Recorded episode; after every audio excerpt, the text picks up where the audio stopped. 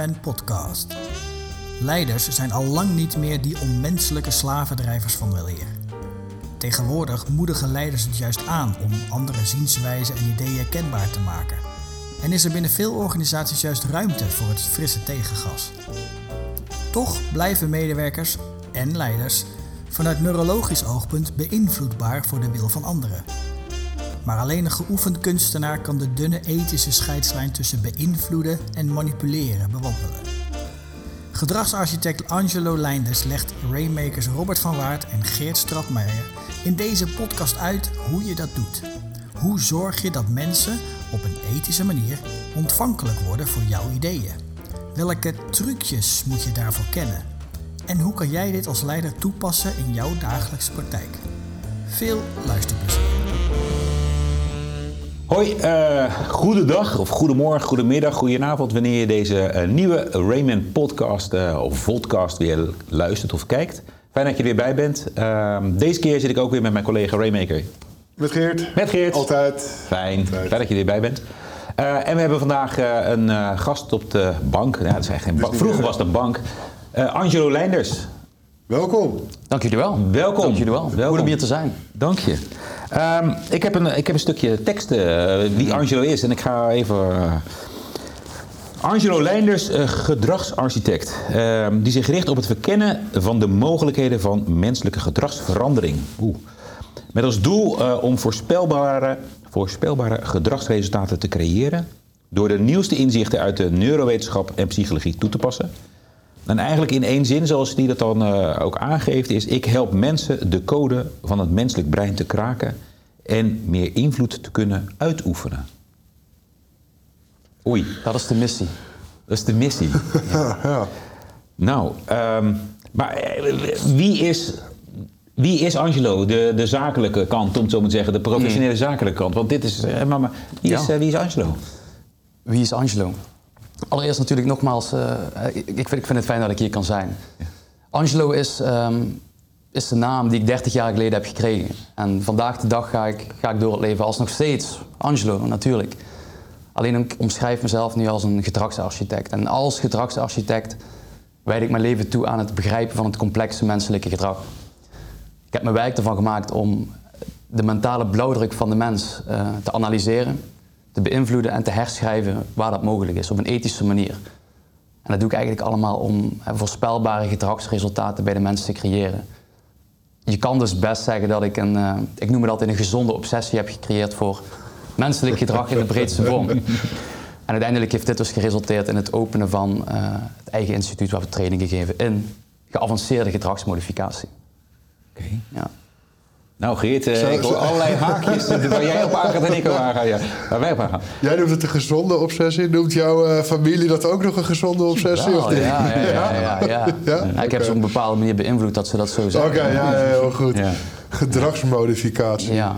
Vertel, wat, het is een lekker containerbegrip. Dus vertel eens, wat, wat bedoel je daar? Uh... Het, is, het, is ook, het is een gigantisch alomvattend begrip. En wat het eigenlijk is, is alle technieken die gebruikt kunnen worden om menselijk gedrag op een positieve manier te beïnvloeden. Nou goed, dat valt allemaal onder gedragsmodificatie. Je hebt wel verschillende niveaus van diepte. De, de, de alledaagse sales training die bijvoorbeeld mensen krijgen, natuurlijk, daar worden technieken geleerd om een ander te beïnvloeden. Maar gedragsmodificatie gaat eigenlijk net een stapje verder. Het gaat niet alleen in op hoe het werkt, maar ook waarom het werkt. En dan heb ik het eigenlijk over wat gebeurt er in het brein van de persoon. En ik omschrijf het vaak als, als volgt, een kleine, kleine soort van metafoor. Dat hmm. Als wij thuiskomen van een lange dag werk, we zetten het licht aan, we klikken op de lichtschakelaar, eh, we ploffen op de bank, we kijken televisie, we kijken nog reels op op social media op een wonderbaarlijk telefoontje. En we doen het allemaal, we weten dat het werkt, we nemen het voor genoegen. Maar wie is de persoon die benadert als die elektrische apparaten kapot gaan? Het zijn vaak uh, mensen die er verstand van hebben. Is een elektricien, is een persoon die weet hoe je een telefoontje moet repareren. En hetzelfde um, zie ik gedragsmodificatie. Nou, dat is de persoon die je belt als er gesleuteld moet worden aan gedrag. Ja, dus in, in een bepaalde zin ben ik een soort van elektricien die je kan inschakelen dan op het gebied van mentaal, hè, op het gebied van beïnvloeden, op het gebied van overtuigen. Maar ben je dan niet meer een psycholoog? Dat lijkt me nou ook iemand die sleutelt aan gedrag? Ja, of, uh... ja klopt. Alleen de gedragsmodificatiekant vind ik gaat nog een stapje verder. Hè. En ik, ik, ik, ben geen neurowetenschapper, maar ik pas wel principes van de neurowetenschap toe. Wat er gebeurt is, uh, als we het alomvattende concept beïnvloeden pakken, die focussen vaak op één ding en dat is het controleren, het beïnvloeden van gedachten. Het hele idee van denk niet aan de roze olifant. Nou goed, wat doe je? Je denkt aan een roze olifant. Dat is een, een klassieker. Maar gedragsmodificatie gaat over het zenuwstelsel. Hoe kan je het zenuwstelsel van de mens beïnvloeden en niet per se het brein? Dat is het grootste verschil dat er is. En dat is waar ook de kracht van, van, van ethische beïnvloeding echt vandaan komt. Het beïnvloeden van de chemische reacties in het brein, van het gevoel van de mens en het beïnvloeden van het zenuwstelsel. Maar en, en hoe, hoe doe jij dat dan? Ethisch beïnvloeden? Ja, nee. Dat, nee ik moet gelijk denken aan die andere podcast die we hebben gehad. Kan dat wel? Kan, ja, maar ik ben eerst benieuwd, hoe kan je nou het zenuwstelsel beïnvloeden? Dat is makkelijker dan je zou denken. Het is, het is een, een soort van stappenplan. Het bestaat uit drie onderdelen. En waar ik het net over had, het uh, beïnvloeden van gedachten, elektrische reacties, hoe ze het noemen, eh, sturen van gedachten. Makkelijk. De tweede stap is chemische reacties. Chemische reacties is het sturen van neurotransmitters, het sturen van hormonen. Eigenlijk het sturen van het gevoel van de persoon die tegenover je zit. Wij als mensen ervaren allemaal de wereld vanuit gevoel. En dat is al vaak één ding dat je niet krijgt geleerd bij, bij een alledaagse sales, training. Deel 3, genetische reacties. Kijk, en dat is, vind ik, de fundering van beïnvloeding. Genetische reacties zijn gebaseerd op één extreem, krachtig, uh, extreem krachtige factor en dat is overleven. Elk mens wil overleven. En als je gaat kijken naar die factor overleven, waarom willen mensen overleven en hoe doen ze dat? Dat komt door een plekje in ons brein. Ze noemen het het RAS voor de, voor de liefhebber, het reticulaire activatiesysteem is verantwoordelijk voor focus. Ik noem focus de belangrijkste valuta en beïnvloeding. Als jij focus kan creëren bij een persoon, dan verhoogt de suggestibiliteit, waardoor een persoon een suggestie makkelijker aanneemt. Mm. Hij dus een persoon niet alleen qua gedachten kan beïnvloeden, maar dat een persoon ook daarna gaat handelen. Dat een persoon ook daadwerkelijk gaat bewegen in de richting waar jij wil dat die persoon naartoe beweegt. En dat is het beïnvloeden van het zenuwstelsel. Het gaat iets verder dan het beïnvloeden van gedachten. En, en, en, als je dat zo vertelt, dan denk ik, Oké, maar dat, jij noemt het uh, net positief beïnvloeden, maar dit zou je ook heel gemakkelijk dan negatief kunnen. Mm. Uh, je, je, zit dan eigenlijk aan iemands koor te, te rommelen. Hoezo zou je dat willen? Nou, dat is in zekere zin waar. Maar het gebeurt overal. Dus als, uh, als ik bij een geweldig restaurant ben geweest en ik krijg vrienden over de vloer, ik ga die vrienden overtuigen om naar dat restaurant te gaan. Op het moment dat beide partijen er profijt bij hebben, beide personen uh, er baat bij hebben, dan noem ik het ethisch beïnvloeden. Op het moment dat je het doet voor je eigen belang, om je eigen hachje te redden, of het gaat doen door middel van angst of groepsdruk, dan ga ik het manipuleren of onethisch noemen. Dat is vaak de context en de intentie uh, achter het concept van beïnvloeden en overtuigen wat het ethisch of onethisch maakt. Ja, ja. Ja, exact. Dus de, de, intentie bepaalt of het ethisch of onethisch is. Bijvoorbeeld, uh, ik heb ooit iemand horen zeggen, ik weet eventjes niet meer wie, maar die zei: geef een chirurg een mes en hij redt een leven. En geef een, geef een sadist of een uh, sociopaat een mes en hij of zij kan een leven nemen. En zo werkt het met. Uh, het mes is het mes, zeg je. Daarmee. Ja, ja. ja, het mes is het mes en je kan het gebruiken voor constructieve doeleinden, je kan het gebruiken voor destructieve doeleinden. Beïnvloeden is een prachtig iets, je kan het gebruiken voor iets geweldigs. Je kan mensen geweldig gedrag laten vertonen dat beide partijen uh, ten goede komt. Maar je kan het ook gebruiken om te manipuleren. Hmm. Ja, ja, dat is natuurlijk waar. Ja, dat is waar. Dus het beïnvloeden aan zich is niks fout mee. Nee. Het is alleen, dus wat je zegt, de intentie en de context waarin je het doet, dat bepaalt of het dan goed of fout is. Ja. En die, eh, je begon eh, dus de begin, het begint bij, of wat je zei, een van de levels is focus, zei je net. Hè? Focus. Focus. Kun je daar wat meer over aangeven? Van hoe doe je dat dan? Hoe creëer je dat mm. dan? Graag. Focus, um, zoals ik al zei, het komt echt vanuit, uh, het, is een genetische reactie. En hoe je het kan creëren, ik ga het proberen zo duidelijk en, en, en beknopt mogelijk te houden. Maar je moet het als volgt zien. De reden dat wij nog leven komt door onze voorouders. Omdat onze voorouders uh, uh, alert waren en gefocust waren op gevaren die hun leven in gevaar zouden kunnen brengen. Als wij nou aan het praten zijn en buiten ontploft iets, dan gaan onze focus daarheen. En eh, dat is die genetische reactie die wij in ons hebben. We focussen op dingen die anders zijn. We focussen op dingen die um, uh, buiten ons huidige gedragsscript vallen. En dat is hoe je focus kan creëren. Op het moment dat, ehm, dat ik iets zeg, op het moment dat ik iets doe, op het moment dat ik kleren draag die uh, andere mensen niet verwachten, dan ontstaat focus. En dan, dan, dan, klikt er iets in het brein waardoor een persoon denkt van hé, hey, wacht eens even, wat hier gebeurt is anders. Dus uh, ik zou waarschijnlijk moeten opletten. En dat is dat plekje in het brein, het, het RAS, het reticulaire activatiesysteem, die het op een bepaalde manier overneemt, gaat focussen, tunnelvisie krijgt en daardoor verhoogt de suggestibiliteit. En daarom noem ik het de fundering van beïnvloeding. Op het moment dat jij deze, deze valuta in je bezit hebt, als jij focus kan creëren bij iedereen, ja, dan verhoogt de suggestibiliteit. En dan komen jouw suggesties veel beter aan. En hoe, en hoe zou iemand dat dan, eh, dus een willekeurige leider die deze mhm. podcast aan het luisteren is, mhm. hoe zou die dat dan kunnen doen? Hoe zou die. Dus ik, ik volg wat je zegt, hè, dus door middel, als jij bij je, bij je mensen, bij je peers focus weet te creëren, mhm. dan komen ze in een bepaalde state of mind, hè, of van alertheid om het zo maar te noemen. En daarmee gaan ze eerder, zijn ze eerder geneigd om te doen wat jij wil dat ze gaan doen. Hè? Dat is eigenlijk wat je. Je hebt een grotere kans dat het gebeurt. En hoe doe je dat dan? Behalve dat je als leider gekke kleren aantrekt. Mm. dat is even de, de, wat je ziet. Maar meer van hoe creëer je dan, hoe, hoe creëer je focus bij mensen? Het is, het is makkelijker dan je zou denken. Het is makkelijker. Dus ik denk, dit is moeilijker dan je dat zou denken. nee, nee, makkelijker dan je zou denken. Um, we hebben allemaal scripts, gedragsscripts. En we denken, we proberen continu in te vullen wat een ander gaat zeggen voordat hij het gaat zeggen. Als iemand ontmoet, uh, en of het nou je basis of wat het ook is, is een hele normale vraag om te stellen: hoe gaat het met je? Mhm.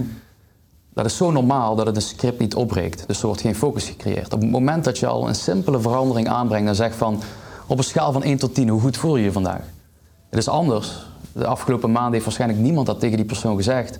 En dat het ook maar een kleine verandering is, denkt het brein van oké, opletten, want wat hier gebeurt is anders. That's it. Dus door, door, door afwijkingen in de scripts te creëren, ja. kan je een bepaalde status van, jij noemt het de focus, voor mij triggert het inderdaad het woord alertheid of zoiets. Weet je, oh, hmm. wacht even, daar gaat ja. iemand anders. Ja. Daardoor ontstaat de focus. Hier moet ik even naar kijken, wat is dit? Ja, ja. Het, is, het is inderdaad alertheid, focus. En het, het, is, het heeft volledig te maken met noviteit, met iets dat anders is. Ik weet niet of jullie uh, de, de, de, persoon die, die, die wel eens zichzelf heeft verdiept in psychologie, die kent het. Het, het hele onderzoek, het experiment van Stanley Milgram. Help even. Het, is, het is tientallen keren hebben ze het uh, onderzoek uh, herhaald. Het heeft eigenlijk te maken met autoriteit en het volgen van suggesties. Mm -hmm. En het kwam door, uh, tijdens de holocaust was er een persoon genaamd Eichmann, verantwoordelijk voor enorm veel doden. En Stanley Milgram, psycholoog, wilde gaan uitzoeken Waarom? Waarom heeft hij dit gedaan? Want het antwoord van deze Eichmann was: ik volgde gewoon bevelen op. En goed, ze gingen kijken van, kan dat? Kan dat waar zijn? En vervolgens hebben ze dus een complete setting gecreëerd met een uh, apparaat waarmee ze elektrische schokken konden uitdelen aan deelnemers. Nou, je kon je aanmelden via een uh, artikel in de krant. En je had een, een leraar, je had de leerling en je had dus uh, de persoon die de schokken moest uitdelen. En dat was de persoon die zich kon aanmelden voor het experiment. Nou, wat die persoon niet wist, is dat het natuurlijk allemaal acteurs waren. En dat er geen echte stroom werd uitgedeeld. Maar ze wilden kijken uh, in hoeverre personen suggesties zouden opvolgen uh, en de hele tijd het voltage met 15 volt zouden verhogen. Ze hadden in het begin voorspeld, niemand gaat door tot 250 volt, wat een dodelijke schok zou kunnen zijn. Ze hadden gezegd 0,1% gaat door tot 250 volt. Het resultaat, 100% ging door tot 250 volt. 65% ging door tot het maximale aantal voltage. Dus eigenlijk is dat gewoon een moord plegen omdat iemand het zegt. En de reden waarom is omdat die persoon autoriteit had en omdat de omgeving waar ze zaten volledig nieuw was.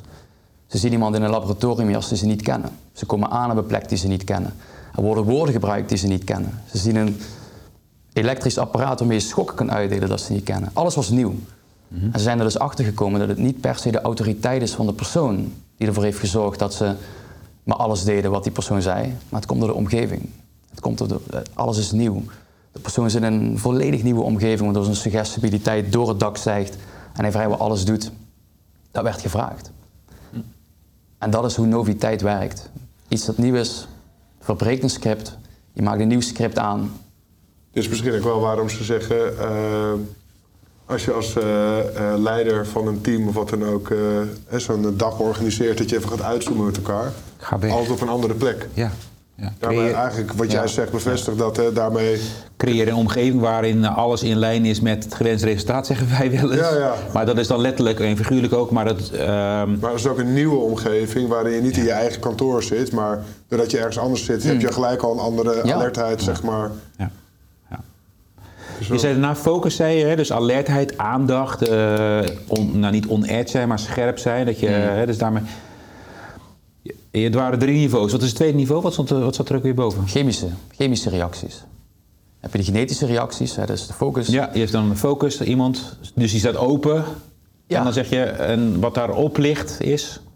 Chemische reacties. Klinkt, uh, klinkt heel chemisch.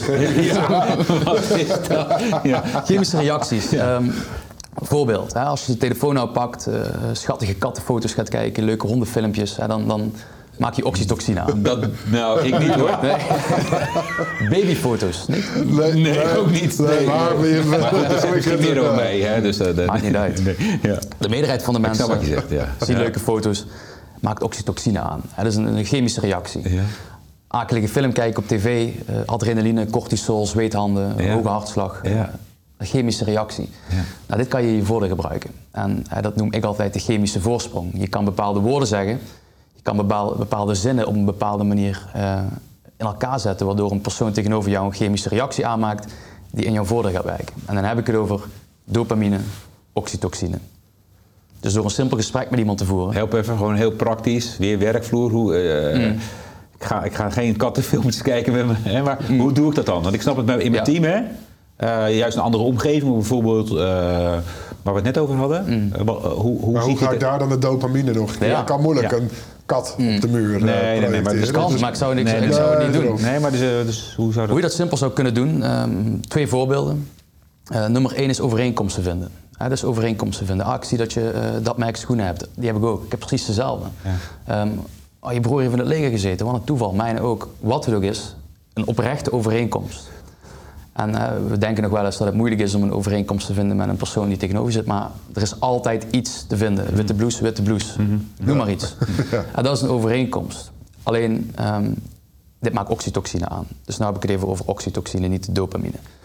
Ja, dus als je een overeenkomst met een persoon vindt, maak je oxytocine aan. Je vormt een band, een chemische band. Dopamine kan je aanmaken door ritme en pauze te gebruiken in je gesprek. Eh, Obama bijvoorbeeld, dus in speeches, nou, die gebruikt wel eens pauzes van twee tot drie seconden. Dat doet hij zodat mensen gaan afwachten wat hij gaat zeggen. En het gevoel van afwachting wordt gecreëerd door dopamine. Nou goed, als je die twee neurotransmitters, dopamine is een neuromodulator, bij elkaar combineert. En dan creëer je een, een, een chemische cocktail die ervoor zorgt dat een persoon beter naar je gaat luisteren. En als jij focus hebt gecreëerd bij een persoon, dan luistert hij ook nog beter. Ja, dat is een win-win situatie. En dan komt de suggestie nog beter aan. Dus het is eigenlijk het opstapelen. Dus je hebt, je hebt eigenlijk eerst de externe omgeving die je kan creëren, hè, het nieuwe, Mm. zodat je de focus kan aanwakkeren. Ja, Dan heb je eigenlijk maar even platgeslagen gesprekstechnieken die ervoor Ja. kunnen zorgen dat je dopamine en oxyco, oxyco, oxytocine. de ja, die, Die, oxy. die, de oxy kan eh, aanzetten. En dan had je nog eentje, eentje erboven, toch? Eén level erboven. Ja. Dat was? Elektrische. Elektrische. Juist. Vertel, want ik ben door dat experiment van net wel eh, elektrische. Elektrische reacties zijn de gedachten. En dat is eh, eigenlijk de makkelijkste van de drie. Dit is eh, het sturen van gedachten. Nou goed, en je hebt één specifiek ehm, gedeelte van elektrische reacties en dat noem je verbale priming. Verbale priming ehm, is eigenlijk gewoon ervoor zorgen dat je bepaalde woorden zegt die een persoon terugneemt naar een moment van vroeger. Het is eigenlijk een soort van eh, regressietherapie, hoe ze het bij hypnose doen. En dan ga je terug in de tijd, dan ga je denken aan dingen van vroeger. En dit zorgt ervoor dat je een soort van script van vroeger weer kan downloaden met alle gedragskenmerken die daarbij horen. Dus bijvoorbeeld, eh, als ik vraag aan iemand eh, in een bepaalde setting van, goh, weet jij nog hoe jouw klaslokaal van vroeger uitzag? Weet je nog hoe dat krijt ruikt en hoe dat klinkt als je er over schoolbord eh, mee gaat? Juist. Ja, en hoe beter, je, hoe beter je dat probeert voor te stellen, hoe krachtiger dat script van vroeger weer naar boven komt. Met alle gedragskenmerken die daarbij horen. Nou, wat zijn gedragskenmerken van de basisschool? Nieuwsgierigheid, openheid, eh, volgzaamheid en ga zo maar door. En dat is dus die regressie, verbale priming, elektrische reacties. Dus je kan letterlijk gewoon een script van vroeger pakken, dat weer naar de surface laten komen. Waardoor mensen weer gaan functioneren op dat script van de basisschool. En hoe, en hoe zou je dat dan even weer in een eh, bedrijfscontext gebruiken? Eh, hoe, Toepassen, hoe doe je ja, dat? Hoe doe je dat? Nou, dat- dat- dan moet je inderdaad, een, of ja, je moet dan niks, maar dan is het wel handig om een gezond gesprek te creëren. En een, een, een gesprek dat alle kanten op kan gaan. Geen geforceerd, extreem zakelijk gesprek, maar een gesprek waar je kan gaan praten over vroeger. En zodra jij een kleine opening krijgt om te praten over vroeger, een, een, vergelijking erin te gooien, wat het ook is, en je kan hier creatief mee zijn. Eh, als je met iemand een gesprek hebt en je ziet een opening om te gaan praten over vroeger, begin over je jeugdhuis. Over jeugdhuis gesproken, weet jij nog hoe dat uitziet? Voor mij is het zo lang geleden. Oh, we worden oud. Simpel, hè? je kan altijd een manier vinden om te gaan praten over vroeger. Wil je iemand meer risico laten nemen, dan kan je misschien gaan praten over een achtbaanrit. Hè, leven is net een achtbaanrit. Hè. Soms gaat het omhoog, uiteindelijk gaat het weer omlaag. Over achtbanen gesproken, wanneer is de laatste keer dat jullie in een achtbaan zijn geweest? Hè? In een gezond gesprek kan je die kanten opgaan. Activeert script met de bijbehorende Ja, gedragskenmerken. dus dan zeg je eigenlijk, je, je bepaalt. Hè, dus het, het, het- De emotie, om het zo maar te zeggen, over nou, het ja, gedrag. Ja, maar en je bepaalt, zei ik, ik wil, ik wil met dit team, ik noem maar even wat, het meer gaan hebben over hoe gaan we meer risico nemen. Ja. Dan zou je dus eigenlijk in een soort startgesprek of een check-in of wat dan ook, zou je, zou je dus dat willen aanzetten. Dat, is- dus op een of andere manier probeer je dan zo'n script te Ja. triggeren. Het kan gaan over Ja. wat is je meest avontuurlijke verhaal, Ja. eh, ervaring En als, ooit of en vakantie als het juist ooit. gaat in zo'n team over geborgenheid en veiligheid, dan Ja. kan je eens vragen van hey, wanneer voelde jij je voor het laatst eh, veilig? Ja. Of hoe zag dat eruit? Dat je daar dan. Ja. En op die En- manier trigger je dus gedragingen die daar voor iemand zelf persoonlijk bij hoorden Ja. van die tijd. Ja.